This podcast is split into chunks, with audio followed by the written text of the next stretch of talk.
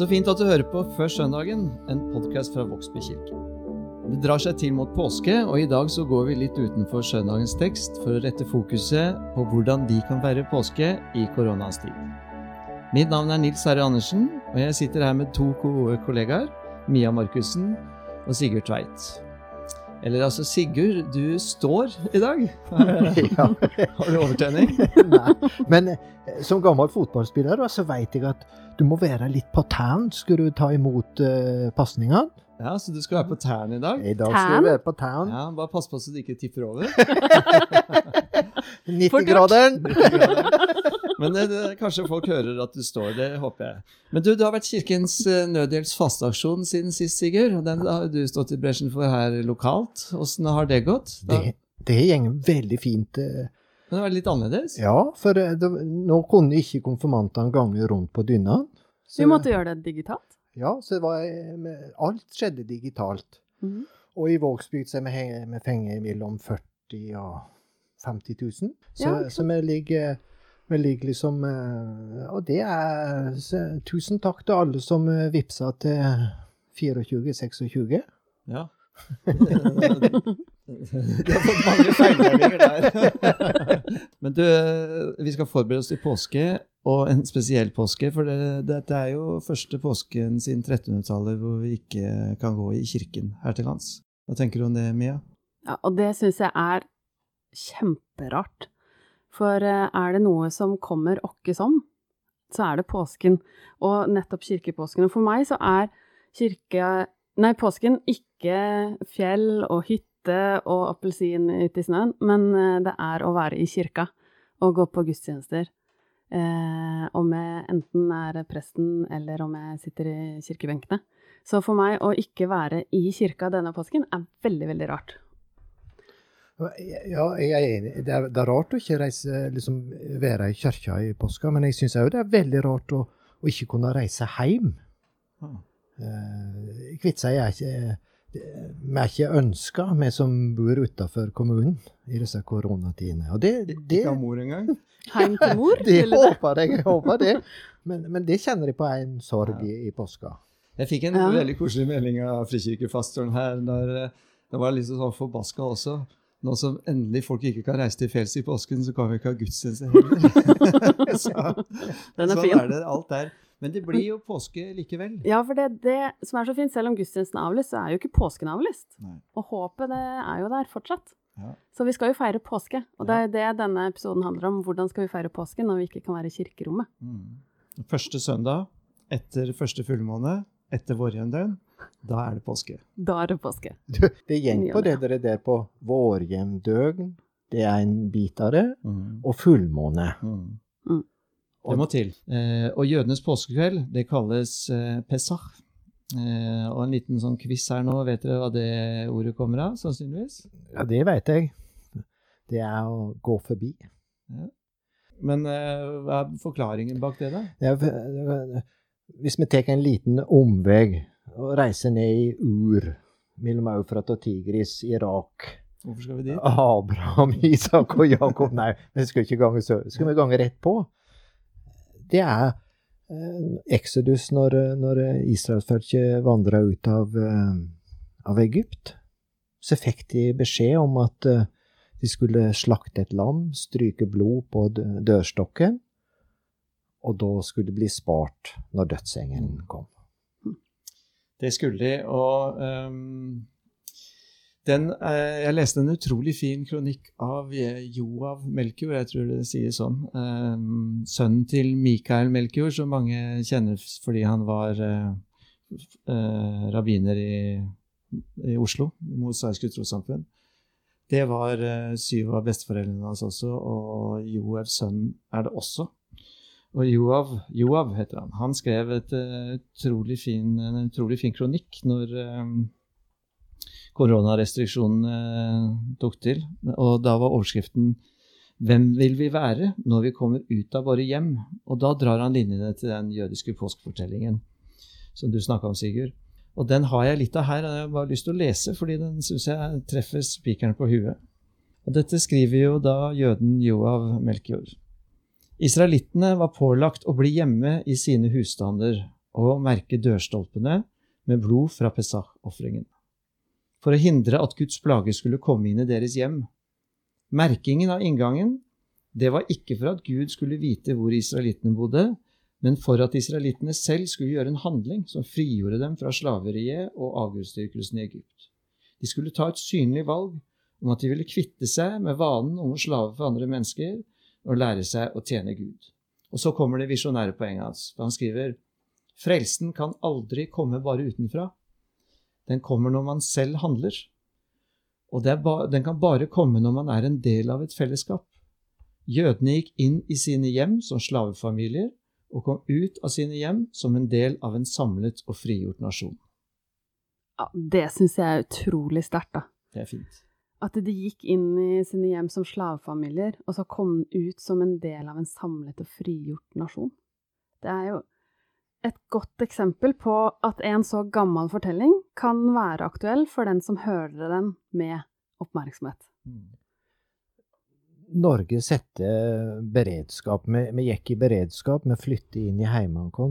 Mm. Koronakrisa eh, rysta oss. Mm. Men, men, det er jo fint å se på Stortinget. Der jobber Senterpartiet. Alle partier jobber godt sammen. På fjernsynet så har det vært demonstrasjoner, den første digitale demonstrasjonen. Eh, få barn ut av flyktningleiren Moria. Den krisa, det at vi flyter hjem Det har vært fint hvis eh, når vi, når vi en gang kan komme ut, at vi kommer ut som rausere mennesker. Mennesker som bryr seg om andre. En, ja. en frigjort nasjon? Frigjort nasjon. Mm. Ikke sant? Og det er perspektivet jeg tenker som er så viktig for oss som kristne når vi leser Bibelen. Eh, ikke bare lese de som sånn historiske fortellinger som er viktig å holde fast på og tenke at det var akkurat sånn og sånn og sånn, men som en levende fortelling, som også vi er en del av.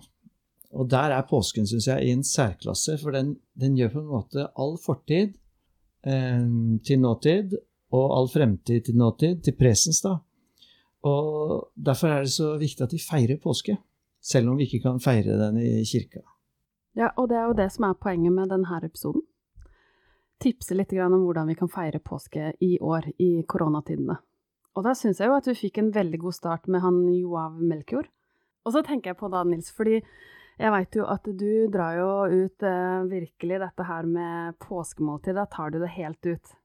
Med et jødisk opps... Med påskemåltid med jødisk oppskrift. Mm. Du har hørt noen sånne rykter om at du feirer Har du ikke vært med en gang? Ja? Jo. Ja, det, er, det, er det var veldig, veldig koselig. Du hadde glemt det, men det, det er noen år siden nå. Nei, det har jeg blitt utrolig glad i. Altså. Ja, hva er det der for noe, egentlig? Nei, altså, Hvis jeg kan bruke litt tid på det, da. At dette påskemåltidet det tenker jeg lærer oss noe viktig om påsken. Um, jeg bare lyst til å starte med det at dette er jo noe jeg låner. ikke sant? Vi, vi hører jo ofte liksom sånn eh, de smålige ting om fariseerne. De er ikke akkurat heltene i evangeliene. Og når vi leser de, så må vi jo i hvert fall huske på to ting. At evangeliene de ble skrevet etter at de kristne mer eller mindre ble kasta ut av det jødiske samfunn. Og, eh, fordi vi ser jo De første kristne gikk jo i synagogen og, og, levde på en måte som jøder som hadde møtt Messias. da. Eh, men nå, eh, da disse ble skrevet, så var de ikke lenger en del av det samfunnet i, samme grad. Og så er de kanskje litt eh, kritiske og harde mot fariseerne også, vet jeg. Ehm, for det var jo fariseerne som overlevde etter tempelets fall og fikk innflytelse over folket etter den katastrofen der. Og det må jo være fordi at folk hadde tillit til dem. Fariseerne var antageligvis veldig glade i folket sitt og ga dem råd om hvordan de skulle overleve og ta vare på sin identitet uansett hvor i verden de blei fordrevet. Men, men, Du snakker om fariseerne, men, men, men, i teksten så står det om sadukerer og Ja, det er flere partier på Jesu tid, men de ser ut til å bli liksom borte, eh, de andre. Og det, det som er med fariseerne, de, de, blir jo beskyldt for å fortelle historier og komme med budsmål og folk nede i evangeliene. Men, og, og, det er nok sikkert riktig, det. Men de hadde jammen også gode fortellinger som uh, gjorde rygger rette og, og, ga mennesker mot og sånne ting. Og en av disse fortellingene de vet vi at Jesus lånte selv. Og det er jo påskemåltidets fortelling, Haggadda, som blir kalt. som jo er en av verdens eldste og mest kjente forskrifter for hvordan man kan sitte og spise sammen. Og Der er det liksom instrukser for hva som skal spises, og på hvilken måte, og med hva slags velsignelser til, og sanger, og ikke minst fortellinger som skal fortelles i løpet av måltidet. da. Og denne Haggaddaen, den fortellingen, den, den var antageligvis eh, ikke skrevet ennå da Jesus eh, feira påskemåltid, eller da han gikk rundt på jorden. Men eh, sannsynligvis så var den en, en, sånn identitetsskapende fortelling som veldig mange brukte når de feira Pesach. Så den levde nok da Jesus samla disiplene til siste måltidet. Ja, og det, det måltidet da, det bindes sammen av fire glass med vin. Fire skåler. Man sier lachaim for livet, ikke sant? For, eh, og de skålene er for livet, det er det ene, og friheten, om velsignelsen og håpet. Er, er det fire gløyper? Gløyper? Ja, slurker, eller er det, ja, slurker, eller er det fire glass? Det, det, er ikke bare en gløypa, det er liksom et beger, men du trenger ikke å toppe glassene, da, Sigurd, hvis du, hvis du vil være litt forsiktig på det påskemåltidet. Så, så det tre, gla tre glass, det ble kalla frihetens beger? Velsignelsen. Og det fjerde håpets. Ja. Det er litt forskjellige navn på dem, men det er liksom innholdet i disse begerne. da. Og det er liksom rammen rundt dette måltidet. Og underveis så smaker vi på bittert og salt og søtt og tørt og vått til minne om den store historien om Exodus, da utferden av Egypt. Men også disse mindre historiene om vårt eget liv, som jammen også byr på vått og tørt og bittert og salt. Og det syns jeg er helt sånn utrolig fascinerende å være med på. Da. Så vi samler en ganske stor gjeng hver påske, venner og kjente og litt mindre kjente, til et jødisk påskemåltid hjemme i stua vår. Og da er jeg veldig bevisst at jeg låner denne fortellingen. Den er jødenes, men jeg gjør den likevel til min, da. Så for meg så blir det jo et kristenmåltid. Eh, og det er jo det fortellingen vil, i hvert fall at vi skal gjøre det til vår. For eh, Hagadan sier, så står det så fint at i alle generasjoner skal hver enkelt regne seg som en av de som vandret ut av Egypt den gangen. Det syns jeg er fint. Og det minner jo egentlig om Moses sine ord, da. Den dagen skal du fortelle sønnen din dette er til minne om det Herren gjorde for meg da jeg dro ut av Egypt. Ja. Og, nettopp, og, det, og, så er det måltidet det varer jo til langt utpå natta, og det gjør alltid like stort inntrykk for meg hvert eneste år. Er det derfor du er litt trøtt på morgenkvisten? Ja, det er det. Jeg, jeg, går og gleder meg lenge i forveien, og jeg lever på det mange dager etterpå. Og Det er jo delvis pga. de som sitter rundt bordet. 30-40 gamle og nye venner, barn og ungdommer og voksne. Men ikke minst pga. de gamle ordene. da. Fortellingen om slavene synes det er utrolig sterkt. De begynte bare å gå. Det var omslutta en sky som viste seg ute i det fremmede og ga dem litt sånn håp og mot. Så de gikk gjennom sjø og ørkensand og alle sånne ting. Og så er det noen sånne utrolig fine, dype, korte velsignelser ved hvert glass og ved hver ting vi spiser. da. Det syns jeg er fint. Hva, hva, slags velsignelser Altså, hva, hva, er det? Nei, der takker man Gud for uh, vintreets frukt og og vi har jo noen sånne velsignelser. Man takker for eh, det som spirer av jorden. For eksempel så bruker vi persille, ikke sant? som eh, er på en måte jordens grøde, som eh, vi velsigner. da. Ja. Og så dypper vi det i salt vann for å minnes tårene. Det er ikke bare frodig liv vi har fått, men vi har også fått tårer. Og så når vi har dyppa det i salte vannet, så smaker vi på det hele. Så det er en slags sånn vekker til å ta imot livet sånn som det er. Og det syns jeg jødene har en sånn fantastisk tradisjon for å, i dette måltidet. Da. Smake på livet sånn som det er, og takke Gud for det, og velsigne det som er. Hm. Og det var vel dette måltidet Jesus og vennene hans uh, eh, feira? Mm. Sannsynligvis var det det. Um, Mm, og der, der, eh, Det som er litt sånn til å tenke eh, etter der, det er jo at uh, Paulus er jo inne på det. Han skriver at velsignelsens beger, som vi velsigner, gir ikke det oss del i Kristi blod. Så kanskje var det i dette tredje begeret, eh, på det tidspunktet i måltidet, at Jesus innstifta nattverden. Tok et brød, som er en del av måltidet, brøt det, takket, velsignet altså, mm. og sa 'Dette er min kropp' ta imot og spise. Sendte det rundt, og så ga man hverandre, og så spiste de det. Og så tok han denne kalken. Eller eh, hva har du kalt det, Sigurd? Gløyp? En gløyp. En gløyp. Så tok han kalken, velsignet den, og sa 'Dette er mitt blod. Drikk alle av den'. Eh, Det kan være sånn. Og dette måltidet er jo da ikke et eh, sånn Vi har jo en nattverd som er såpass ribba for mat at det tar bort måltidsfølelsen. Men dette er nesten som julaften i et jødisk hjem. Altså, da kommer alle hjem, og så samles de til påskemåltid. Um, og da jeg var i Israel uh, i høst, så snakka jeg med veldig mange om dette her, fordi jeg var litt nysgjerrig. Og det virka som alle hadde Laila Seder, altså kveldsmåltidet, påskemåltidet sammen. Ja, for alle, da mener du virkelig barna og bestemor og bestefar og de midt i livet? Ja. Liksom virkelig alle, alle generasjoner? grønt hår og rødt hår, og uansett hvordan de så ut, så Alle var samla. med, så feira de denne, dette eldgamle måltidet. Ja, for jeg, jeg tenker at for jødene så er det liksom jordløftene og 17. mai på én gang. Og, og jeg bodde sammen med et jødisk ektepar. Og, og når det nærmer seg påske, så ligner det liksom veldig på den der julefeiringen som er over, for da, drev de og vaska seg. De rydda, på en måte. Og, og det tror jeg handla litt om at de skulle klar, klargjøre All og surdeig skal bort. Ja. Mm. All surdeig. Ja, så det er en del av denne uka, at eh, den skal forberedes eh, godt og sånne ting. Eh, Det gjør jo ikke vi, da. Det er like støvete som det pleier å være. Men denne kvelden har vi. Og så er det en dimensjon til med det. Jeg syns det er sterkt å tenke at Jesus og disiplene satt der med dette måltidet og smakte på livet som det var. Uroen, bekymringen og alt. Og det er jo midt i dette her at Jesus kanskje med glasset heva sier 'Min fred gir jeg dere'. Ikke den fred som verden gir.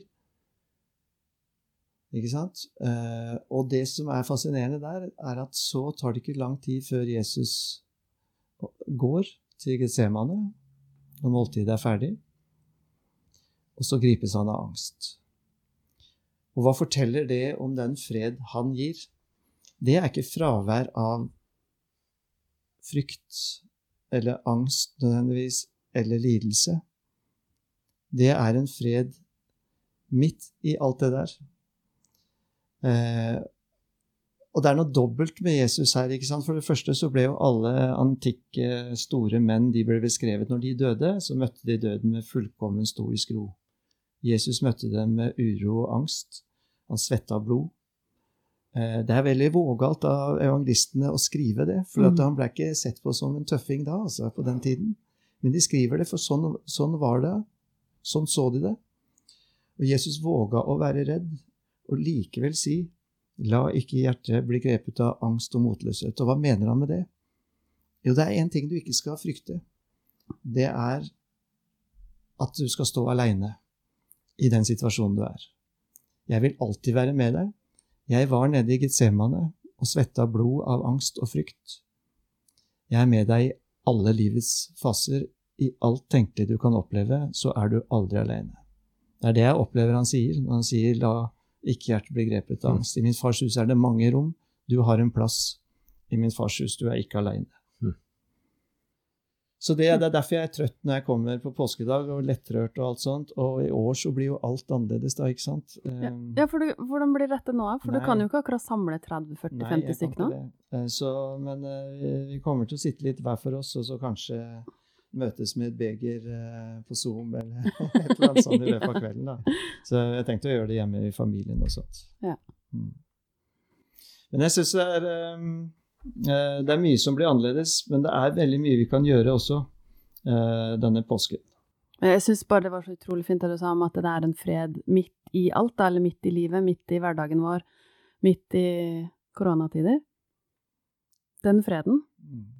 Selv om det kan være mye frykt. Og vi har med en eh, Messias å gjøre som ikke sparte seg selv for noen ting, og som ikke lover oss eh, fritak fra noen sider av livet. Mhm. Men han lærer oss å smake på det, eh, ta det hele, eh, og tro at vi aldri er aleine oppi dette. Mhm. Salt og bittert og søtt og sånne ting. Men hvis folk har lyst til å gjøre dette her da, hjemme, så ligger det faktisk en veldig bra link på Return to Sender, som Israelsmisjonen Det er en undergruppe av dem. Der er oppskrifter til mat og ritual og alle sånne ting. Jeg har en sånn litt forenkla og en annen versjon selv, men den syns jeg kanskje er så kjettersk at jeg ikke tør legge ut. Men hvis noen velger, så kan de få den tilsendt. Men å ligger altså ute på nett på Return to Sender. Ja. En oppskrift så de kan gjøre dette hjemme. Ja. Det er bra. Det. Ja, og du gjør dette på påskeaften, ikke sant, Nils? Ja, vi gjør det, men du kan gjøre det på skjærtorsdag. Da, da blir det jo litt eh, del av den fortellingen om det siste måltidet. Men det jeg syns det er en måte å feire påske på uten eh, kirke, det er å markere hver dag i den stille uken. Fra palmesøndag til og med påskedag så har hver dag sin fortelling, på en måte. Ja, og da Eh, mener du ikke bare palmesøndag og så Nei, mandag og tirsdag nå. Ja. Eh, Men hvis vi starter med, palmesøndag, Sigurd, den har jo du eh, fremført veldig mange ganger for barnehagebarn. Hva er det når dere har hatt vandringer og sånt? Hva er det som skjer på palmesøndag? Nei, palmesøndag, det, det har Sivilise og jeg gjort, og Mia òg. Vi har kosa oss mye med barnehagebarn eh, rundt kring den dagen. Og palmesøndag, det er liksom den dagen eh, Det er på en måte en slags minifestdag i, i påska. Da kommer Jesus riende inn i Jerusalem eh, på eselet. Han har vært nede i Betfag og fengt tak i et esel. Og så er den der forventningen til, til Jesus om at han er den store, nye kongen, nye kong David, den er, den er langt framme i, i, i menneskets sinn i Jerusalem, så de hyller han som en konge. De roper Hosianna, Davids sønn, velsignet være han som kommer i Herrens navn. Er- jeg ser for meg Jerusalem Ja, det er mye lyd, da, når Jesus kommer på, på det eselet, og de legger ut kappene sine, og de, de hyller han som en, en konge. Hvordan kan man eh, markere den dagen, da, tenker du? Nei, nå hever Mia og Sivilise og jeg spiller inn en kanongod påskepødd. Påskepodd. For, for vi, hadde egentlig en tanke om at det skulle være for barn, Mm. men i ettertid så ser jeg at det, det er mange andre også som kan ha nytte av å høre den, for det, han er veldig narrativ, veldig fortellende. Så de får eh, tak på, eh, på fortellingene. Jeg tror vi litt ydmykt kan anbefale den. Ja, ja, ja, ja. Men den finner de på, både på Spotify og på hjemmesida vår. Ja. Gjør det ikke det? Den heter Påskevandring Vandring. i Vågsbygd. Mm. Det anbefales. Det er en måte å markere palmesøndag på. Og så er det noe med at palmesøndag det er det at Jesus kommer ridende inn. Så man kan rett og slett markere den med en meditasjon selv om å ta han imot der han kommer. Ridende. Velsignet være han som kommer i Herrens navn. Og så starter en stille uke. Så kommer vi til mandagen. Eh, Sikkert det, det er også en dag. ja du sier stille uke. Ja. Men det er, det er en dramatisk dag.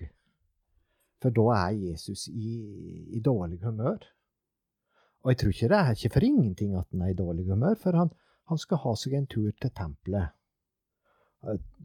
Og han ser for seg et tempel som et, en stad der du kan møte øh, Gud. Og så møter en et marked og et pengejag uten like. Og jeg tror det som irriterer Jesus mest, det, det er det at, at der er det forskjell på folk. Det er noen som blir utestengt for å komme inn til, til Gud. Eh, For du må betale litt for disse dyra, og det er det sadukerene og Kaifas tjener penger på. Og, og, og det irriterer han. Og da gir han eh, uro. Mm. Det du sa der, det skildres jo på en utrolig fin måte. Nå husker jeg ikke hvilket evangelie det er, men jeg lurer på om det er Matteus. Det blir så underlig stille, vet du, etter han har eh, Og disiplene de tenker Hva i alle dager er det han gjør nå? Ikke sant? Mm. Eh, I den stillheten så hører de noen nye lyder der. De hører barna som synger, Hosianna. Og de ser eh, de vannføre og, og syke. De kommer krypende ut av skyggene. Um, ja. Mm. Og da har dere um, Er det ikke den morgenen han uh, ikke får frokosten sin uh, også? Ja, det er noe med fikentreet og de Ja. bæ nei, bærene, ja. For det var jo ikke noe bær der. Det- Frukter. Det var ikke frukt. Frukt? Det var litt sånn vanlig frokostgreie. Jeg tror han ble ganske sinna. Så det var en litt sånn alvorlig dag. Um, så kom vi til um, tirsdag. Ja, og, det, Ja. og det var litt fint, for uh, jeg tror disiplene de protesterer på morgenen når Jesus vil opp igjen i tempelet. Ja, det kan jeg skjønne etter Ja, du- Du kan ikke reise opp igjen nå var du der i går og laga et lørveleven, og så vil du opp igjen i dag. Ja, og det som skjer da, er jo at den der samtalen fortsetter. Fordi disse overste, og sånn, de stiller jo spørsmål da, om Jesu identitet.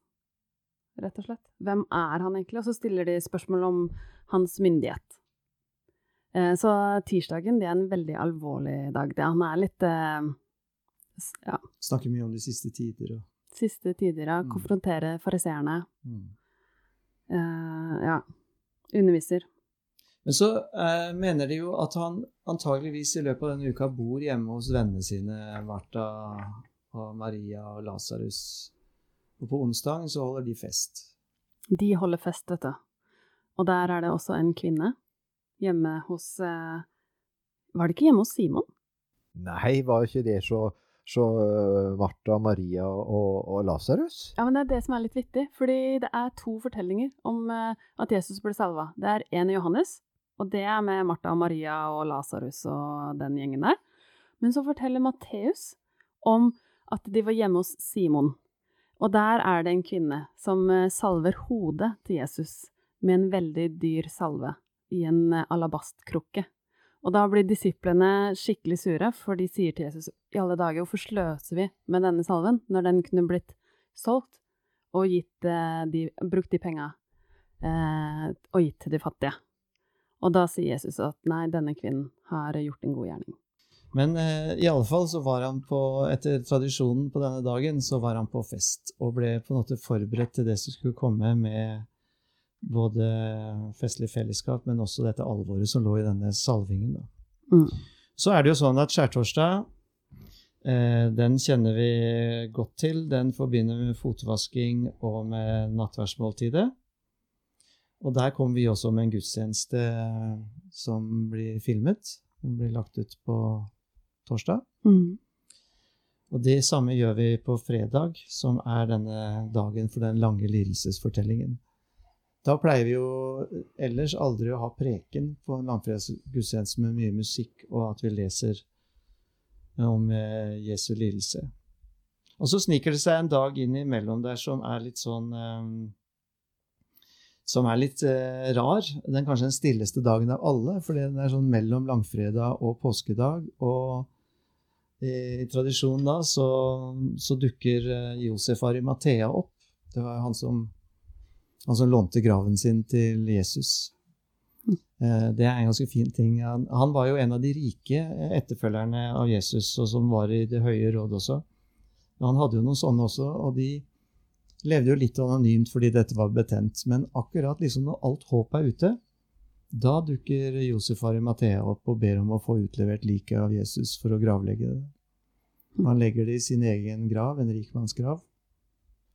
Og på en måte misunner han litt det. Det må være noe fint å skulle gravlegges i en grav hvor Jesus har vært og, og brutt døden. For så kommer jo da denne store dagen. Påskedag. Det er dagen sin, vet du. Det er selve påska. Det er jo egentlig der den starter, da, og ikke slutter.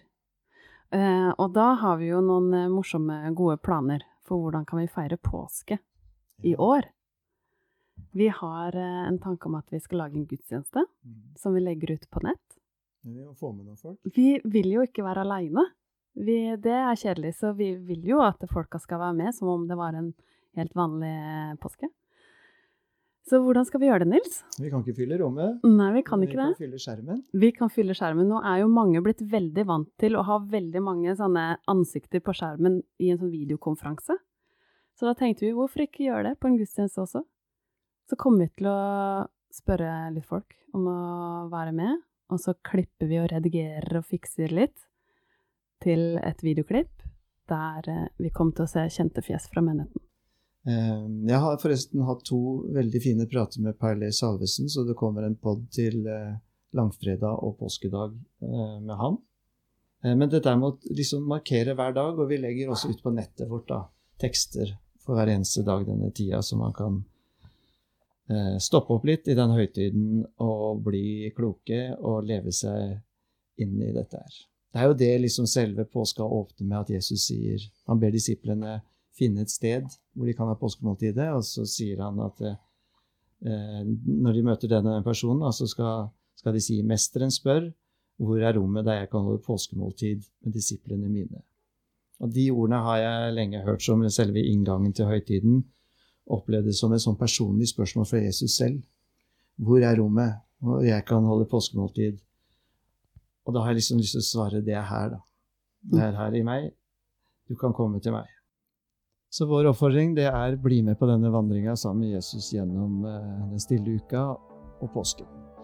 Følg podene våre, eh, se gudstjenestene og følg med på hjemmesida vår. Der blir alt eh, lagt ut. Så håper jeg alle får en fin, stille uke og påskehøytid. Før vi slutter nå, så må vi få lyst til velsignelsen. Det kan du gjøre, Sigurd. Ta imot Herrens velsignelse. Herren velsigne deg og bevare deg. Herren la sitt ansikt lyse over deg og være deg nådig. Herren løfte sitt åsyn på deg og gi deg fred.